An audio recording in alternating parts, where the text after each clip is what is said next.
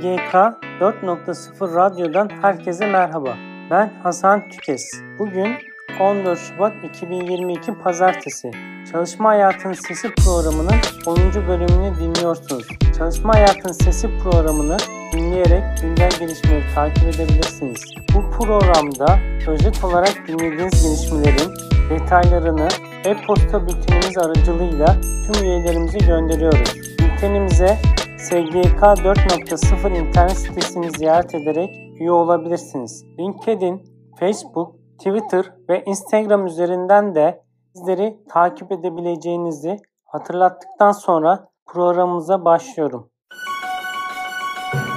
Resmi Gazete Çevre, Şehircilik ve İklim Değişikliği Bakanlığı'nca yönetmelik ve tebliğ değişikliklerini içeren mevzuatlar resmi gazetede yayınlanmıştır. Yapı denetimi uygulama yönetmeliğindeki değişiklik yapılmasına dair yönetmelik ile yapı sahipleri ile yapı denetimi hizmet sözleşmesi imzalayacak yapı denetim kuruluşlarının elektronik ortamda belirlenmesine ilişkin usul ve esaslara dair tebliğde değişiklik yapılmasına dair tebliğ resmi gazetede yayınlanmıştır.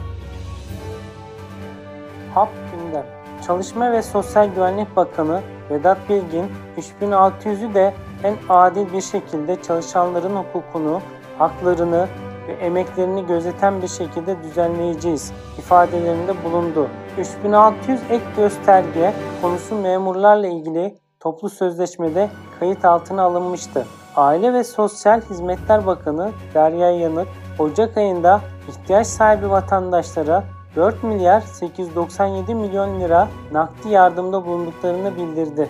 Ticaret Bakanlığı ithalatta korunma önlemi biten ürünlerin yerli üreticilerini uyardı. Ticaret Bakanlığı ithalatta korunma önlemi kapsamında dumpinge karşı uygulanan önlemleri biten aralarında yassı çelik, beton pombası ve bakır borunun da yer aldığı 34 sanayi ürününün listesini yayınlayarak bunların yerli üreticilerine uyardı. İlgili tebliğ 11 Şubat 2022 tarihli resmi gazetede yayınlanmıştı.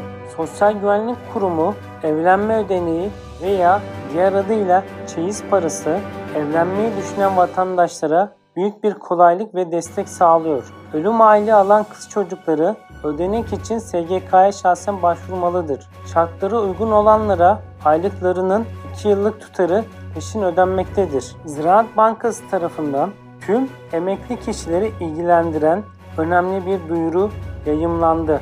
Yapılan duyuruda emekli maaşını Ziraat Bankası'na taşıyan ve 3 yıl maaş alma sözü veren emekli kişilere 750 lira verileceği açıklandı.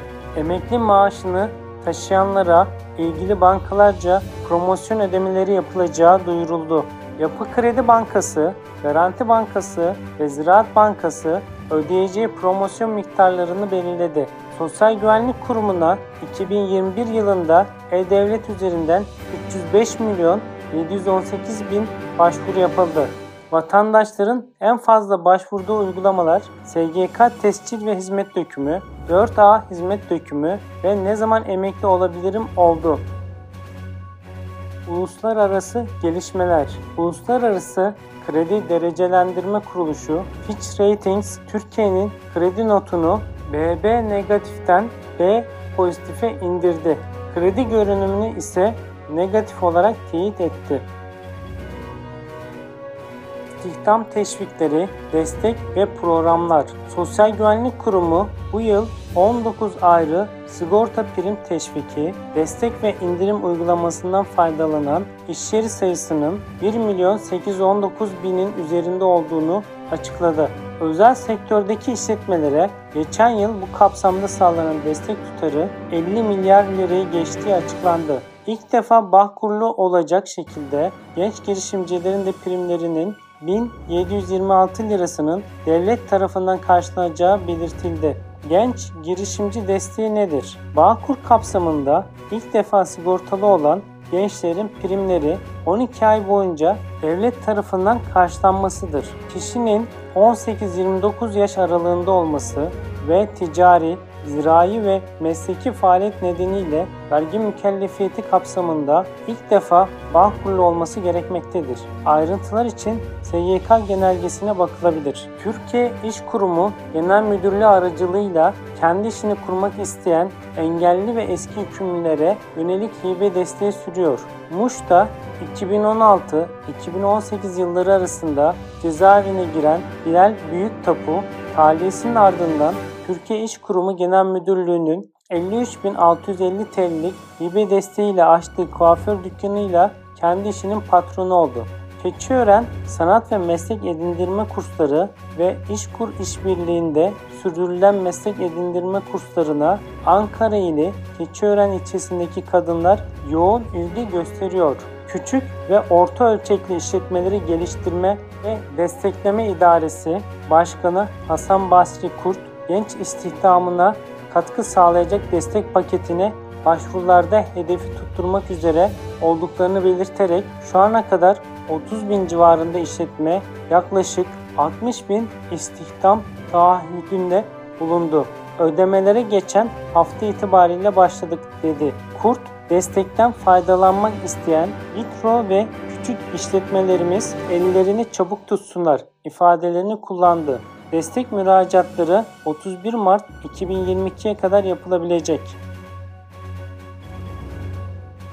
İstihdam Bafra Öğretmen Evi Kurumu tarafından İşkur üzerinden kadrolu olarak Fen Edebiyat Fakültesi mezunlarından gıda kontrol elemanı alımı gerçekleştirileceği bildirildi. İşkur üzerinden bankalar personel alım ilanlarını yayınlamaya başladı. 5 farklı ilde toplam 9 personel alımı yapılacağı belirtiliyor. Cumhurbaşkanlığı koordinesinde yürütülen Ulusal Staj Programı başvuruları açıldı. Başvurular 31 Mart tarihine kadar devam edecek. Programa ön lisans, lisans, yüksek lisans eğitimine Türkiye'de devam eden gençlerin yanı sıra lisans ve lisansüstü eğitimine yurt dışında devam eden Türk vatandaşı ve mavi kart sahibi gençler de başvurabilecektir. Ayrıca organize sanayi bölgesindeki mesleki ve teknik orta öğretim kurumu öğrencileri de bu yıl başvuru yapabilecektir çalışan sorunları İzmir, Ali Ağa gemi söküm bölgesinde bulunan Işıksan, Kalkavan, Leyal, AGS gemi söküm işçileri düşük ücrete karşı başlattıkları iş bırakma eylemlerini sürdürüyor. İşçilerin adil ücret taleplerinin olduğu ve gemi ustası için 500 lira, saha kesimcisi için 450, operatörler için 400 ve çıraklar için 350 lira yevmiye istedikleri belirtiliyor. İstanbul Esenyurt ilçesinde bulunan Migros deposunda çalışan işçilerin işten çıkarılmasına karşı işçilerin direnişleri sürüyor. Depo işçileri %8 zam teklifine karşı başlattıkları eylemleri 11. gününde de sürdürdü. Aile hekimliği çalışanları ücret, güvenlik ve iş güvencesi taleplerinin karşılanması ile hastalık yönetim platformu maddelerinin düzenlenmesi için 17 Şubat Perşembe ve 18 Şubat Cuma günleri 2 gün süreyle iş bırakacak. Talepleri karşılanmadığı takdirde Mart ayında 3 gün iş bırakma eylemi gerçekleştirecekler. Yargı kararları. Yargıtay kendi isteğiyle işçi statüsünden sözleşmeli personel statüsüne geçen işçinin kıdem ve ihbar tazminatı hak edemeyeceğine hükmetti.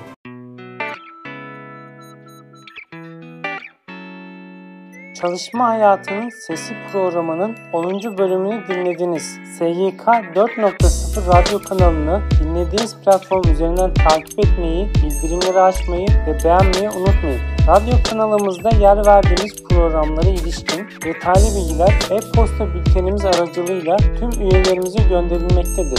SGK 4.0 internet sitesini ziyaret ederek e-posta bültenimize ücretsiz üye olabilirsiniz. Bir sonraki yayında görüşmek üzere.